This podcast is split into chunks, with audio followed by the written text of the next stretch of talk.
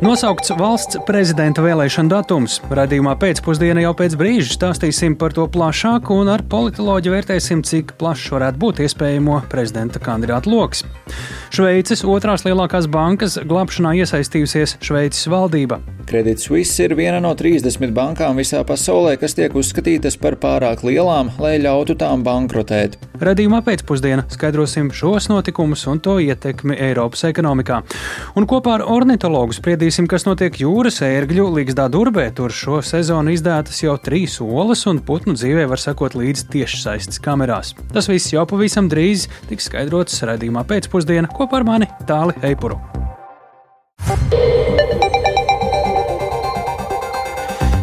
Pūkstens ir 16,5 minūtes, skan pēcpusdienas ziņu programma, skaidrojot šodien svarīgus notikumus. Studijā tāls eipurs. Valsts prezidenta vēlēšanas Latvijā notiks 31. maijā. Tā ir izlēmusi Saimnes prezidija un frakciju padome. Politiķu līdzinēju izteikumi liecina, ka uz valsts prezidenta amatu varētu būt vairāki pretendenti, taču viņu vārdi joprojām vēl nav zināmi. Par šodien lemto, par situāciju vairāk mums šobrīd ir gatavs pastāstīt Jānis Kīns. Sveiks, Jāni! Sveiks, tēls, sveicināti klausītāji. Jā, šodien saimnes prezidēju un frakciju pārstāvju lēmumu pieņemšana par valsts prezidenta vēlēšanām tam bija vajadzīgas vien dažas minūtes. Un, uh, vienošanās uh, tātad paredz konkrētus datumus. Un, uh, Varbūt pašā startā par tiem, lai pastāstītu Edgars Tavars, apvienotā saraksta saimnes frakcijas vadītājs. Tā ceļa karte ir tāda. 9. līdz 13. maijs ir uh, iesniegšana prezidenta, un savukārt 31. maijs ir prezidenta vēlēšanas. Un uh, jaunajam prezidentam jāstājas amatā 8. jūlijas. Bet šodien mēs lēmām par dienu, kad saima vēlē prezidentu. Tas būs šī gada 31. maija. Atbilstoši procedūrai, Saimas mandātu ētikas un iesniegumu komisija nedēļā pirms valsts prezidenta vēlēšanām uzklausīs visus kandidātus un būs saņēmusi arī atzinumus no dažādām institūcijām par kandidātu atbilstību valsts prezidenta amatam. Cik šo kandidātu būs, to mēs pašlaik precīzi, protams, vēl nevaram atbildēt. Pašreizējais valsts prezidents Egils Levits par savu kandidēšanu uz otro termiņu šajā amatā paziņošot maijā. Taču licis saprast, ka kandidēs, ja būs pārliecība, liecība par iespēju tikt pārvēlētam. Tas esot politiķu jautājums, un viņš nevēloties par to spekulēt. Jo spekulēšana par šo tēmu savukārt esot politiķu, žurnālistu un divānu ekspertu uzdevums. Tā viņš šīs nedēļas sākumā izteicās intervijā TV3. Levita izredzes pašlaik gan nav pavisam spožas, jo ievēlēšanai nepieciešamo 51 balsu saimā iegūt viņam varētu būt visai sarežģīti. Līdz šim par Levitu atkārtotu kandidēšanu vislabvēlīgāk ir runājuši jaunās vienotības un Nacionālās apvienības pārstāvji, un šīm frakcijām saimā kopā ir 39 balsis. Savukārt koalīcijā ietilpstošā apvienotā saraksta frakcija virzīs savu kandidātu uz valsts prezidenta amatu, un uh, neoficiāli jau ilgāku laiku ir runāts, ka tas varētu būt apvienotā saraksta idejas virzītājs uzņēmējs Uldis Pīlēns. Viņš pats gan par šo tematu ir izteicies pavisam izvairīgi. Uh, Levitu amatā neatbalsta saimnes opozīcijas frakcijas, Zaļo zemnieku savienībā ietilpstošā Latvijas zemnieku savienība kandidātu izraudzīšoties no savu biedru vidus un varētu par to paziņot kongresā 1. aprīlī. Tā, tāpat arī Latvija pirmajā vietā un stabilitātei frakciju pārstāvji par kandidātu virzīšanu gan nav runājuši, taču Levita pārvēlēšanu neatbalstīšot. Savukārt progresīvie uzsvēruši, ka kandidātiem uz valsts prezidenta amatu ir jābūt ar nevainojamu reputāciju. Neoficiāli minēts, ka šī frakcija uz augstu amatu varētu apsvērt kādreizējo uh, satversmes tiesas priekšsādātāju Sanitu Osipovu. Iepriekš arī izskanējis, ka Rīgas pilī esot vērtēts plāns B, ja Levitam neizdodas panākt saimnes vairākumu atbalstu. Tādā gadījumā uz šo amatu varētu virzīt NATO ģenerāla sekretāra vietnieci Baibu Braži. Uh, intervijā Latvijas radio februāra sākumā viņa gan uz jautājumu par iespējamu kandidēšanu uz valsts prezidenta amatu atbildēja ar cerību, ka Levits turpinās darbu arī otrajā pilnvaru termiņā. Te gan arī jāatgādina, ka pēc vairs Vīķis Freibergs darba valsts prezidenta amatā astoņu gadu garumā neviens viņas pēctecis šajā amatā nav nostrādājis divus termiņus. Un vai Egils Levits papildinās šo statistikas ailīti, parādīs maijā notiekošās valsts prezidenta vēlēšanas, kas nenoliedzami būs viens no galvenajiem šā gada politiskajiem notikumiem Latvijā. Paldies Jānim Kincim. Tātad 31. maijs ir datums, kurš šoreiz Latvijā ir nosaukts par valsts prezidenta vēlēšanu datumu. Vismaz pirmās kārtas pavisam noteikti. Bet uh, mēs sazinājāmies arī ar Domnīcas providus direktoru un vadošo pētnieci Ivietu Kažoku, vaicājot par ko liecina viņas skatījumā šī brīža pašvalsts prezidenta līdzinājā Megila Levita izteikumi gan par viņa paša, gan partiju nodomiem. Vārdos Egils Levits nepasaka tieši, bet uh, pēc viņa vēstījuma ir nepārprotami, ka ja viņš redzēs, ka saimā ir vairākums viņa atbalstam, proti 51 balss, tad viņš vēlētos atkārtot kļūt par uh, valsts prezidentu. Šobrīd viņa galvenais jautājums ir, vai partijas var viņam nodrošināt 51 balsi. Ja jā, tad viņš noteikti kandidē. Ja nē, tad tā situācija ir neskaidrāka. Es nezinu, cik lielā mērā viņš varētu gribēt iet uz risku kandidēt, bet netikt ievēlētam. Un tas attiecībā uz Egilu Levitu šobrīd ir vienīgais nezināmais, domājot par to pirmo posmu, vai viņš vispār viņa vārds parādīsies. Un ko par Iespējamo kandidātu loku liecina pašu partiju darbības, kustības, kuras, jāsaka, gan arī nav pagaidām pārāk skaļas. Esam dzirdējuši, ka jaunā vienotība šobrīd attiecībā uz Levītu nekādu aktivitāti neveiks. Skatīsies, ko dara Nacionālā apvienība, kur ir viņa iepriekšējie izvirzītāji uz šo termiņu. Un viena otra iniciatīva redzam arī par kandidātu sievieti. Vai ir kaut kas tāds, kas ļauj taustāmāk paskatīties uz iespējamo kandidātu loku no partiju aktivitātēm? Atslēgas figūra šajā prezidenta ievēlēšana sāgā ir apvienotais saraksts. Ja apvienotais saraksts izvirza kādu kandidātu, kas nav uh, Levits, tad apvienotajam sarakstam principā ir diezgan viegli dabūt šim alternatīvajam kandidātam 51 balsi saimā. Tīri matemātiski, proti, vairāk saimā pārstāvētās partijas, teiksim, Latvija pirmajā vietā vai stabilitātē, zināmā mērā arī ZZS, šķiet būtu gatavs nobalsot par katru kandidātu, kas vien nav Egils Levits un kopā ar apvienoto sarakstu šādam partiju blokam ir tieši 51 balss. Tur vairāk jautājums ir, vai šo partiju vadītājiem izdotos tik ļoti disciplinēt savus um, partijas uh, biedrus, lai tiešām neviens tajā brīdī nebūtu ne saslimis, ne atvaļinājumā, ne kādā komandējumā. Tas ir numur viens, un numur divi ir, vai apvienotais saraksts gribētu, lai viņu prezidenta amata kandidāts tiek ievēlēts šo partiju balsīm.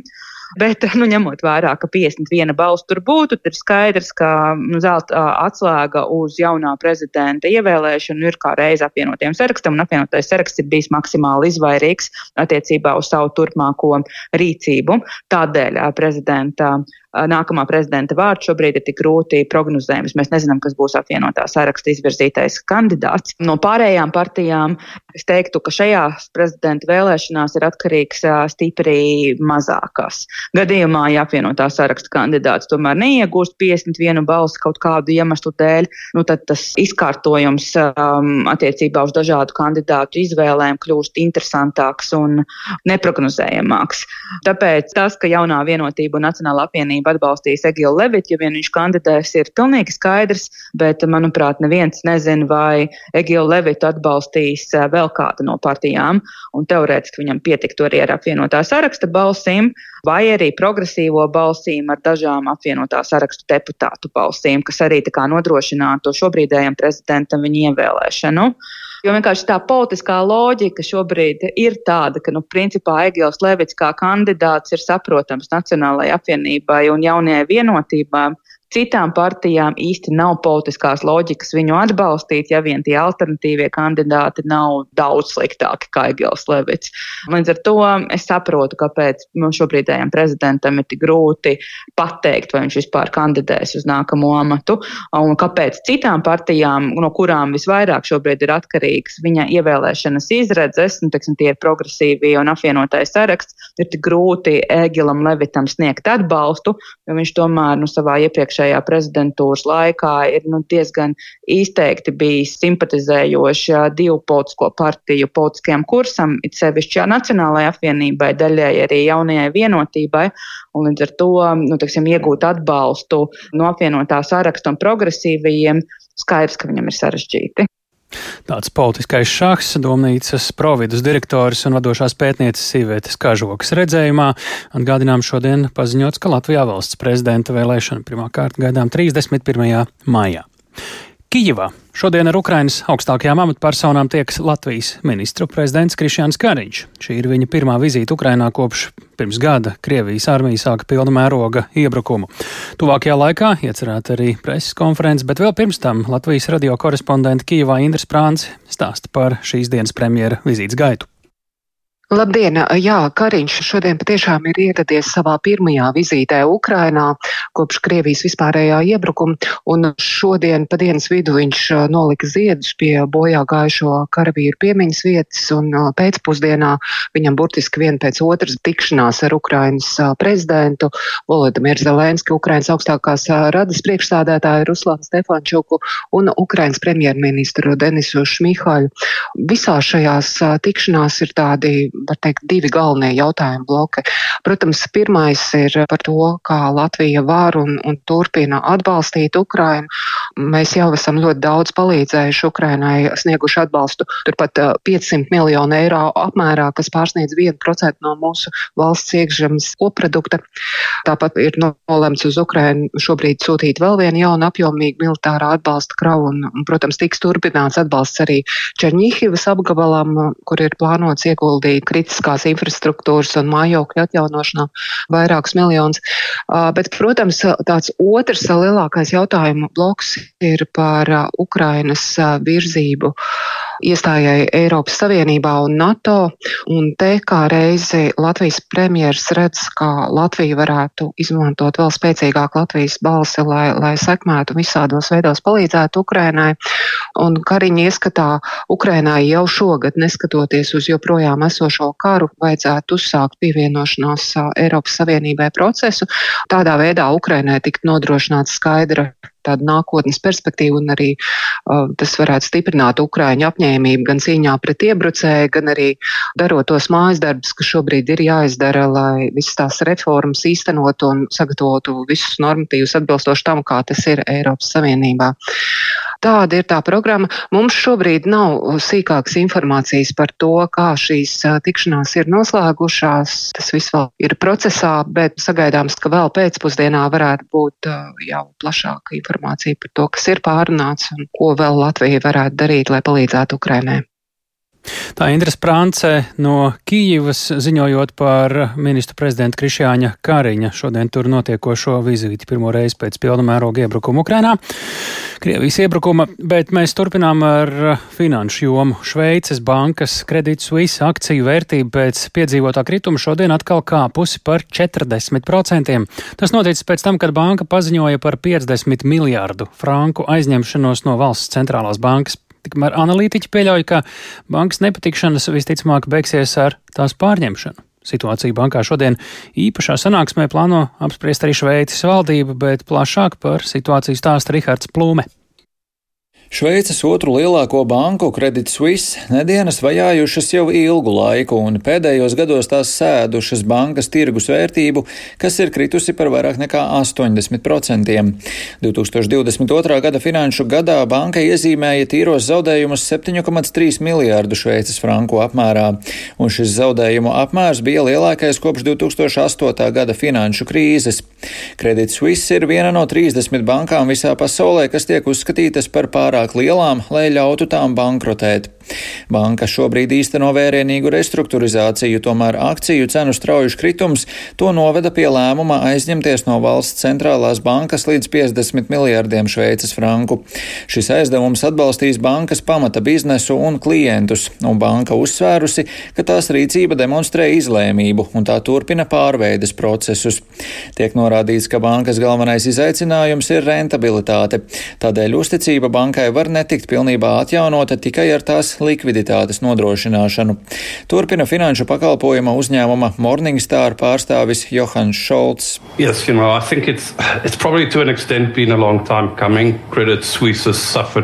of... Savā ziņā tas jau bija gaidāms, un Credit Suisse ir cietusi no daudzām problēmām. Var teikt, pašnodarīta posta. Tas sniedzas atpakaļ vēl līdz 2021. gada martam, kad bankrotēja Lielbritānijas finanšu uzņēmums Greensill Capital. Banka ir zem spiediena jau kādu laiku, un tas izgaismojās arī pagājušā gada noslēgumā. Vairāk kārt ir izskanējušas bažas no bankas klientiem un finansējuma nodrošinātājiem, un pārliecības līmenis bankā ir bijis zems. Bankas dzīvotspēja rada bažas, un nākamais gads būs zaudējumu gads, un visticamāk zaudējumu apmērs būs tāds, ka kapitāla pietiekamība būs apdraudēta. Šobrīd Credit Suisse akciju vērtība pieaugusi par vairāk nekā 40%. Analītiķi norāda, ka vēl ir vairākas neskaidrības, kā banka darbosies tālāk, un tas varētu izgaismoties nākamajās dienās. Tikmēr Šveices federālā padome šodien ieplānojusi īpašu tikšanos par situāciju bankā. Padomē regulārā sanāksme bija paredzēta piekdien. Nav gan zināms, vai sanāksmē ceturtdien tiks pieņemti kādi lēmumi. Daži analītiķi pieļauj, ka bankas nedēļas varētu beigties ar tās pārņemšanu, un to varētu īstenot tās konkurente, proti lielākā Šveices banka UBS Group AG. Šāds scenārijs jau iepriekš esot apspriests starp Credit Suisse un Šveices centrālo banku.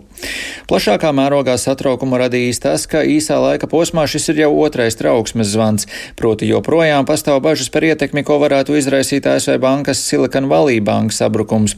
Izskan bažas par to, vai notikumi nesāk atgādināt 2008. gada finanšu krīzi. Tikmēr Sauda Arābijas komercbankas Saudī National Bank vadītājs Hammars Alkudairī paudis pārliecību, ka panika sektorā ir nepamatota. Tā ir panika. Es domāju, pilnīgi nevajadzīga gan kredīts viss, gan visa sektora gadījumā. Pagājušajā nedēļā bija šī neveiksme ar ASV banku, bet tam nav nekāda sakara ar to, ko redzējām 2008. gadā. Tas ir viens izolēts gadījums. Regulators izdarīja visu nepieciešamo, lai ierobežotu sekas. Visi lielie regulatori ir pierādījuši, ka sistēmiski būtiskajām bankām tie ir darījuši visu nepieciešamo un tās ir pasargātas. Un attiecībā uz mazākām bankām regulatoram ir jānovērš negatīvas potenciālās sekas.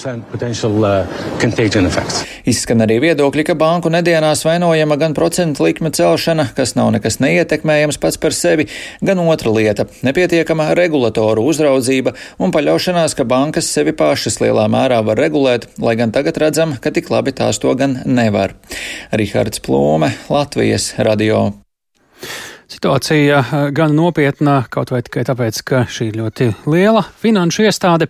Pie mūsu klausulas šobrīd Latvijas Universitātes biznesa vadības un ekonomikas fakultātes profesore Ramona Rupēka Apoga. Labdien! Labdien!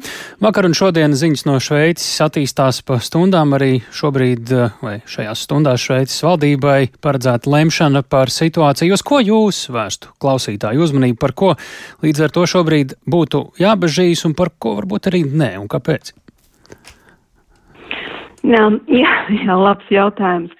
Jā, nu es arī uh, sekoju situācijai, un uh, šodien mūsu uh, centrāla banka, Eiropas centrāla banka, pieņema lēmumu palielināt procentu likmes, jo arī tas, teiksim, tāds, tās bāžas parādās, vai tas nav viens no iemesliem, kāpēc kaut kādas problēmas banku sistēmā var rasties.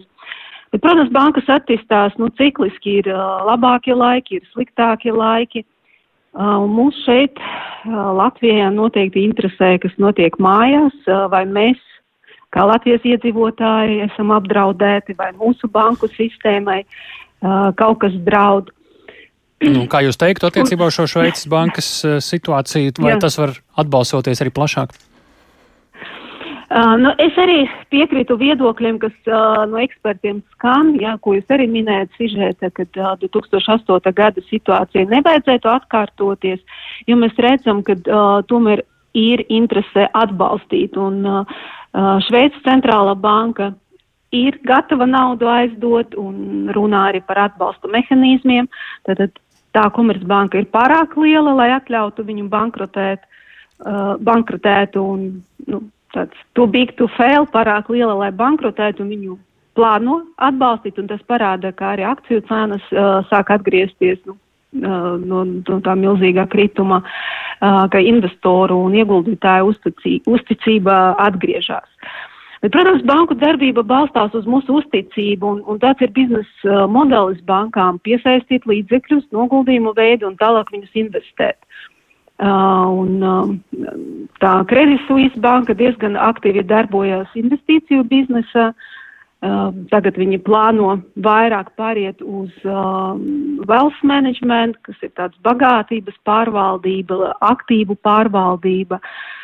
Mūsu bankas, Baltijas tirgu un Latvija, netik daudz nodarbojas. Mums ir tādas klasiskas komercbankas, kas piesaista depozītus, izsniedz kredītus un tādu ļoti aktīvu finanšu darbību. Mm Uh, ieguldot vērtspapīros, uh, atvasinājumos. Nu, Jā. mūsu meitas bankas noteikti to nedara, nu, un arī Skandināvu bankas. Ir arī jāatcerās, ka uh, mūsu rezidenti pārsvarā apkalpojas bankas ar uh, Skandināvu kapitālu, ar uh, Zviedrijas kapitālu, un mēs esam palielam atkarīgi, uh, cik mātes bankas ir stipras. Jā.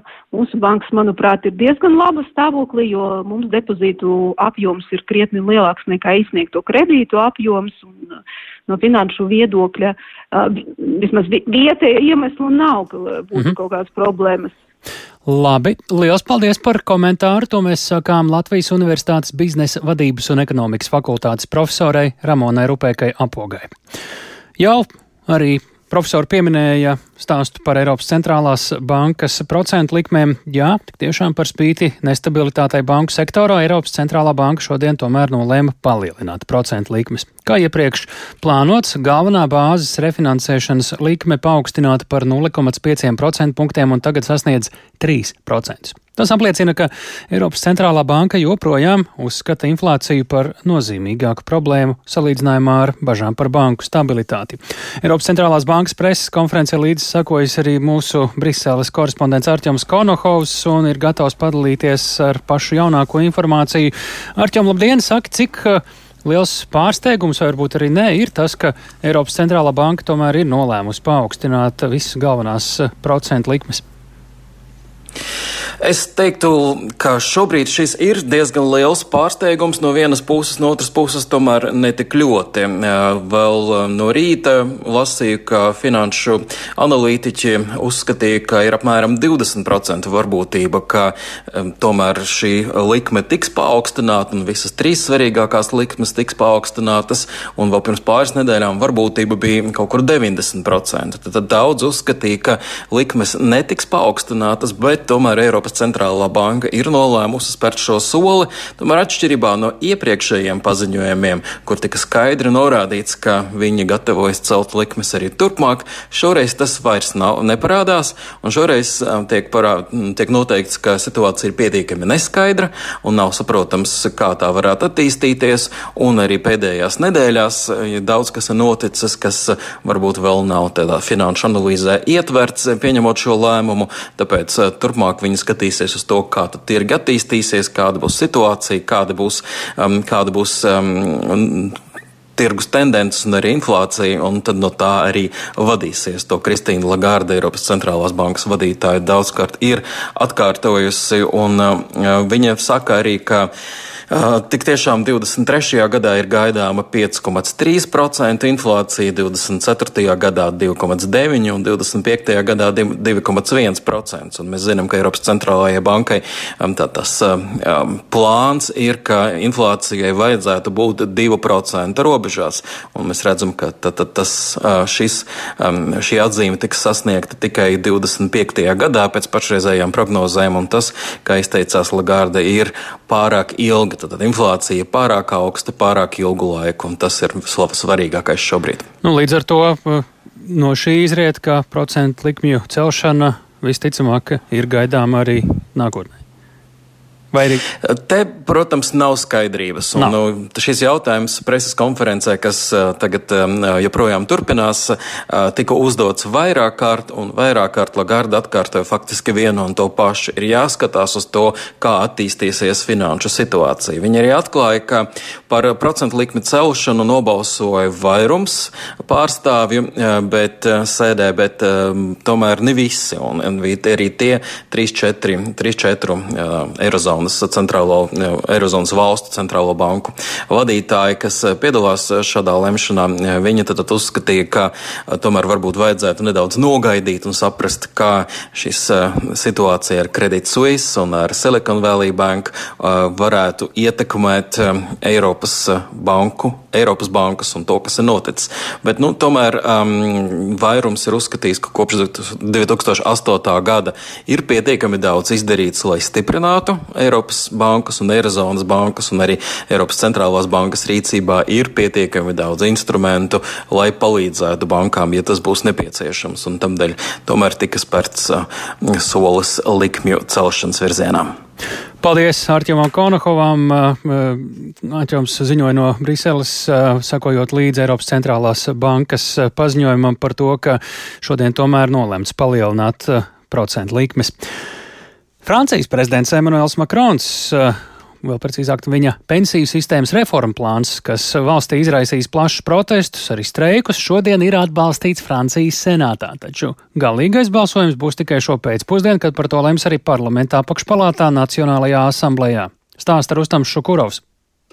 Pēdējo sešu nedēļu laikā Francijā ir notikuši lielākie protesti pēdējo gadu desmitu laikā, kas skāruši dzelzceļa nozari, skolas, sabiedriskos pakalpojumus un ostas. Vēl otrdien streikā piedalījās vairāk nekā miljons francūžu, bet Parīzes pašvaldības atkritumu savācēju streika dēļ ielās sakrājušas aptuveni 7000 tonu nesavāktu atkritumu. Tas piesaista žurkas un satrauc turistus. Taču plašie protesti pret nepopulāro pensiju reformu neatturēja Francijas senātu šorīt pieņemt likumu par pensionēšanās vecumu paaugstināšanu līdz 64 gadiem. Arī Francijas parlamenta apakšpalātā Nacionālajā asamblējā šo pēcpusdienu notiks balsojums. Šajā balsojumā gūt pārliecinošu balsu vairākumu būs grūtāk. Makrona partijai Francijas Nacionālajā asamblējā nav vairākuma, līdz ar to balsojuma rezultātu var izšķirt vien dažas balsis. Francijas prezidenta mazākuma valdība ir atkarīga no opozīcijā esošās republikāņu partijas senatora atbalsta. Balsojums apakšpalātā būs ļoti, ļoti, ļoti riskants televīzijas kanālam Publika Senat, sacīja augstā ranga republikāņu senators Bruno Retaljo. To arī apliecina Francijas televīzijas kanāla France 24 redaktors un iekšpolitikas jautājumu komentētājs Marks Perelmans. No Problēma ir tajā, ka nav pārliecības. Acīm redzot, daži deputāti ir teikuši, mēs varētu balsot par vai mēs varētu faktiski neierasties uz balsojumu. Un tiešām skaitļi ir ļoti tuvi. Vairākums parasti ir 289 balsis. Tas varētu būt mazāks, jo var būt dažas aizķeršanās un daži deputāti var neierasties un tā tālāk. Valdībai ir vajadzīgas aptuveni 285 līdz 287 balsis, lai tā justos droši. Valdības zaudējums balsojumā būtu arī liels pazemojums pašam Makronam. Mazāk nekā gadu pēc tam, kad viņš nodrošināja sev otro prezidentūras termiņu ar manifestu, kas mudināja francūžus strādāt vairāk, lai samaksātu par valsts dāsno sociālā nodrošinājuma sistēmu. Skaidrības par to, vai arotbiedrības un demonstranti turpinās savus protestus un streikus gadījumā, ja arī Francijas Nacionālā asambleja atbalstīs pensijas reformas plānus, nav. Arī Makronam un valstī kopumā nav skaidrs politiskās sekas, ko varētu radīt reforma, pret kuru iebilst lielākā daļa iedzīvotāja. Rustam Šukurovs, Latvijas Rādio. Bet raidījuma pēcpusdienā turpinājumā gan par to, kā šodien ritējas leģionāru piemiņas dienas gājiens Rīgā, un arī par jaunumiem no jūras ērgļu līgzdas durbē.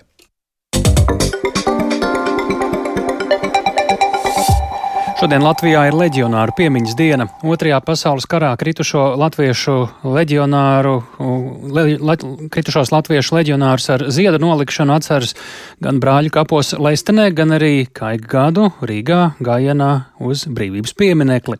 Par to, kā šogad ritēja gājiens un kāpēc cilvēki tajā piedalās, plašāk Agnijas Lazdijas reportāžā. Ja mūsu zeme meklē Dziedot leģionāru dziesmas ar ziediem un Latvijas, Igaunijas un Ukrainas karogiem rokās, vairāki simti cilvēku šodien devās gājienā no Rīgas svētā Jāņa baznīcas līdz brīvības piemineklim. Tā atceroties otrā pasaules karā kritušo latviešu leģionārus. 16. marts, jeb leģionāru piemiņas diena, ir neoficiāla piemiņas diena, kad Latviešu leģiona veterāni un citi cilvēki piemin valsts iedzīvotājus, kuri cīnījās Vācijas bruņotajos spēkos Latviešu leģiona sastāvā. Daļa cilvēku uzskata, ka leģionāri cīnījās par neatkarīgu Latviju, citi, ka viņu atbalstīja tā laika Vācijas politisko režīmu, bet vēl citi, ka leģionāri ir kara laika apstākļu upuri, kas pret savu gribu nonāca frontē. Tas bija sevišķi uzdevuma bataljons, kas bija domāts Latvijas valsts valdības apsargāšanai, ko vācieši apšāva un likvidēja kurzemē, kas bija kara beigās, jau nācas kara beigās. Tā stāsta 99 gadus vecais leģionārs Edgars Vēvers, kas piemiņas gājienā piedalās katru gadu. Viņš stāsta, ka šajā dienā svarīgi ir atcerēties un pieminēt kritušos latviešus, norobežojoties no politikas.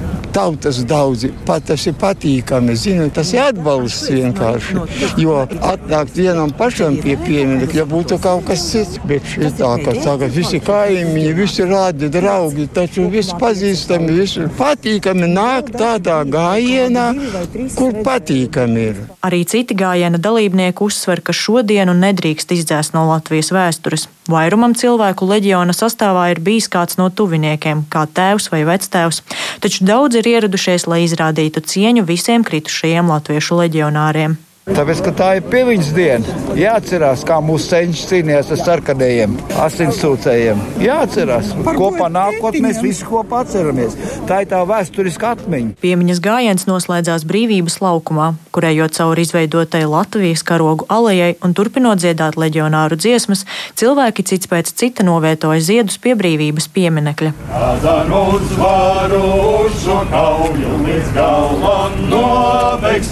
Šogad gājienu pie pieteica biedrības Daugavas vanagi Latvijā Limbužu nodaļa. Gājiena dalībnieku skaits ir daudz mazāks nekā iepriekšējos gados, un, lai gan notiekošo uzraudzīja policijas spēki, pēdējos gados tos nepiesaista tik plašā mērogā. Kā stāsta leģionārs Edgars Vēvers, zinot šī brīža situāciju Ukrainā, šodien cilvēki tīpaši grib sanākt kopā un pieminēt ne tikai kritušos leģionārus, bet arī izrādīt atbalstu Ukrainai. Visi grib kopā būt tādā svinīgā brīdī, kopā kaut kā grib būt. Ne jau tikai stāvēt malā. Es skatos, ka jauniešu ir ļoti daudz. Tie veči ir veči, tur nav ko. Bet jaunieši ir jau tie jau ir stabili domātāji, stabili patrioti. Un jāsaka, nu, kas saka, pilsoņi Latvijas, Latvijas iedzīvotāji. Kopumā piemiņas pasākums noslēdzās mierīgi, un tajā nebija būtisku konfliktu vai negadījumu.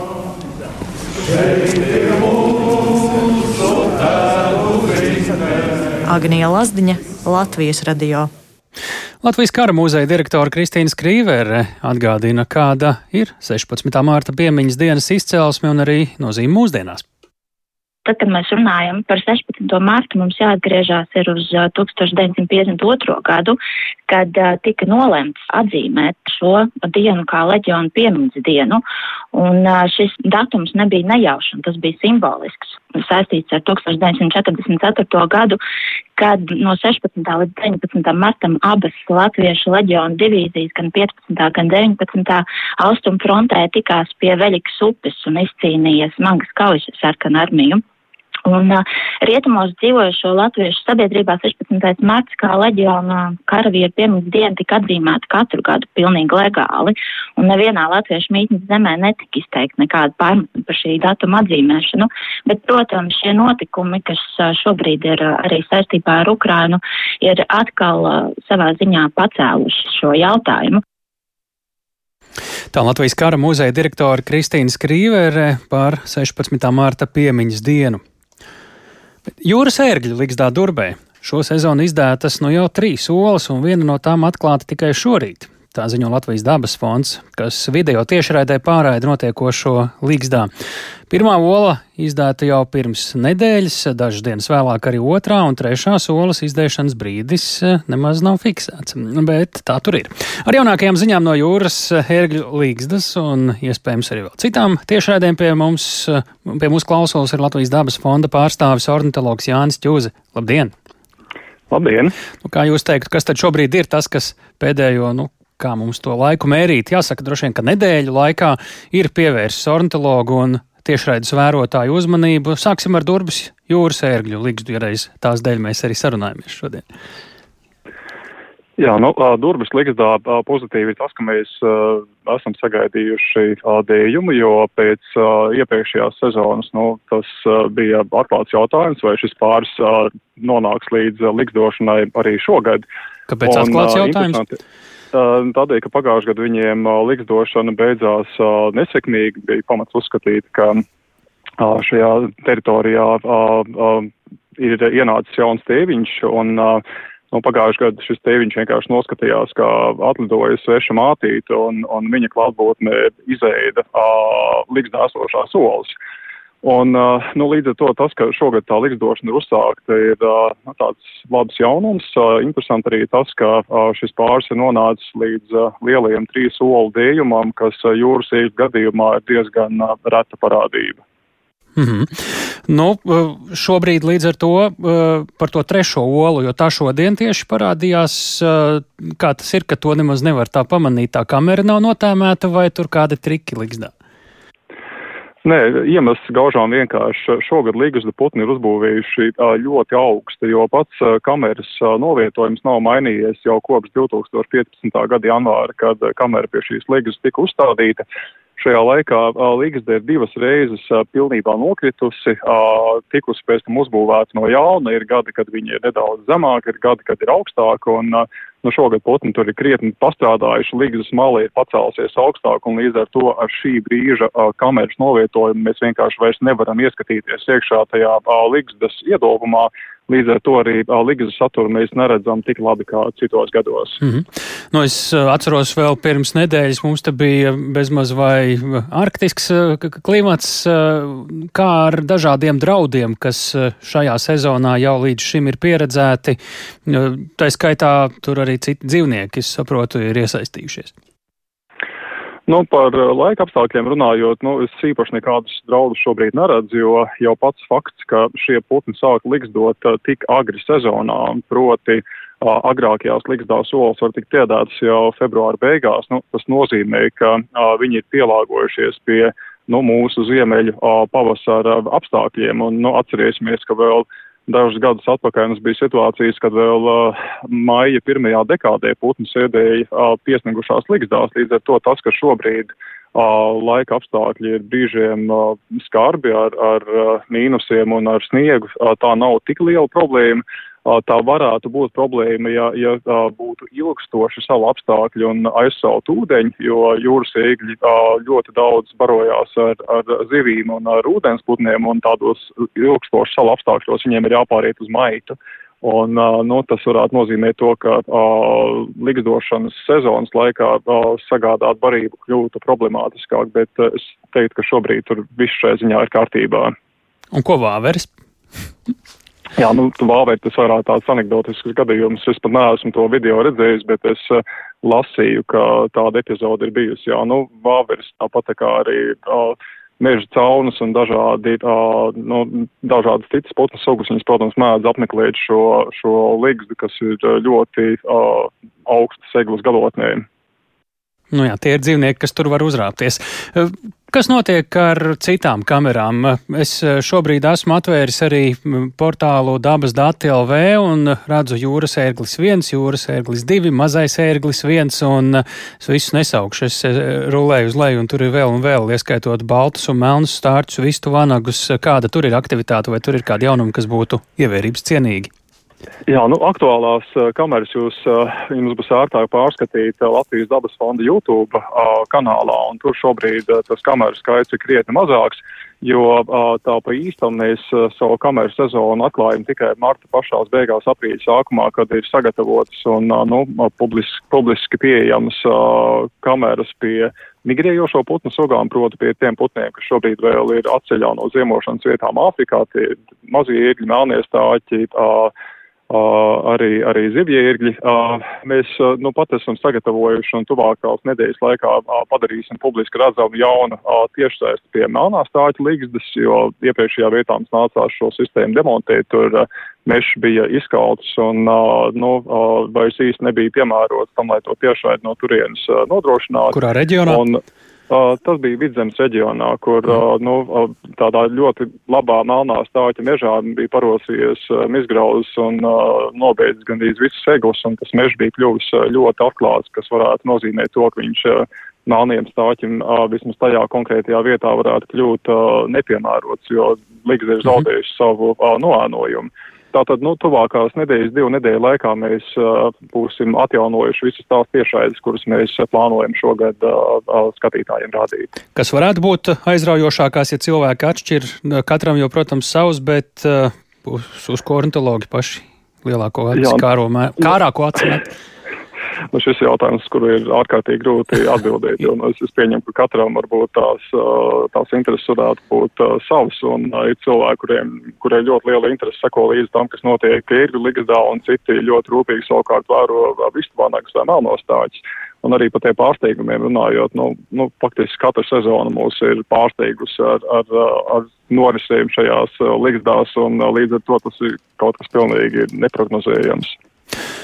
Liels paldies! Eh, ļoti vērtīga saruna ar ornitologu Latvijas dabas fonda pārstāvu Jāni Čūzi. Šis arī viss šīs dienas raidījumā pēcpusdiena. To veidoja Ilze Aginta, Kaspars Groskops, Iveta Zvejniece, studijā Tāls Eipurs. Nu, un, protams, atgādinām, ka Latvijas radio viens mobilā lietotne arī ar citiem Latvijas radio kanāliem piedāvā iespēju arī raidījumu pēcpusdienā gan noklausīties, gan padalīties ar to ar kādu citu. Līdz rītam!